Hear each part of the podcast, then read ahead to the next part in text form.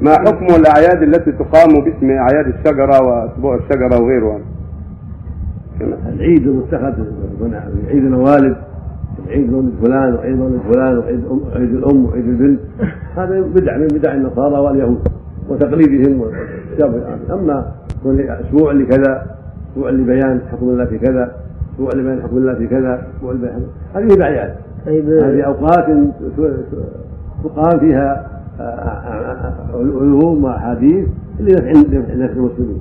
مهم من هذا مهم طيب أسبوع مثلا أسبوع الجيش ولا أسبوع مو من هذا مو باعياد ما يسمى وليس باعياد أسبوع لبيان أشياء تلزم أسبوع لبيان ما يجب على العسكري أسبوع لبيان ما يجب على المسلم كذا وكذا.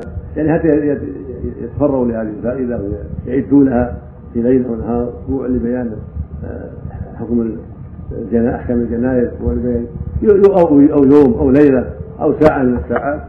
طول الأسبوع ولو يوما أو ساعة أو عصرا أو مغربا. حتى لو تكررت سنويا. نعم. لو تكررت سنويا.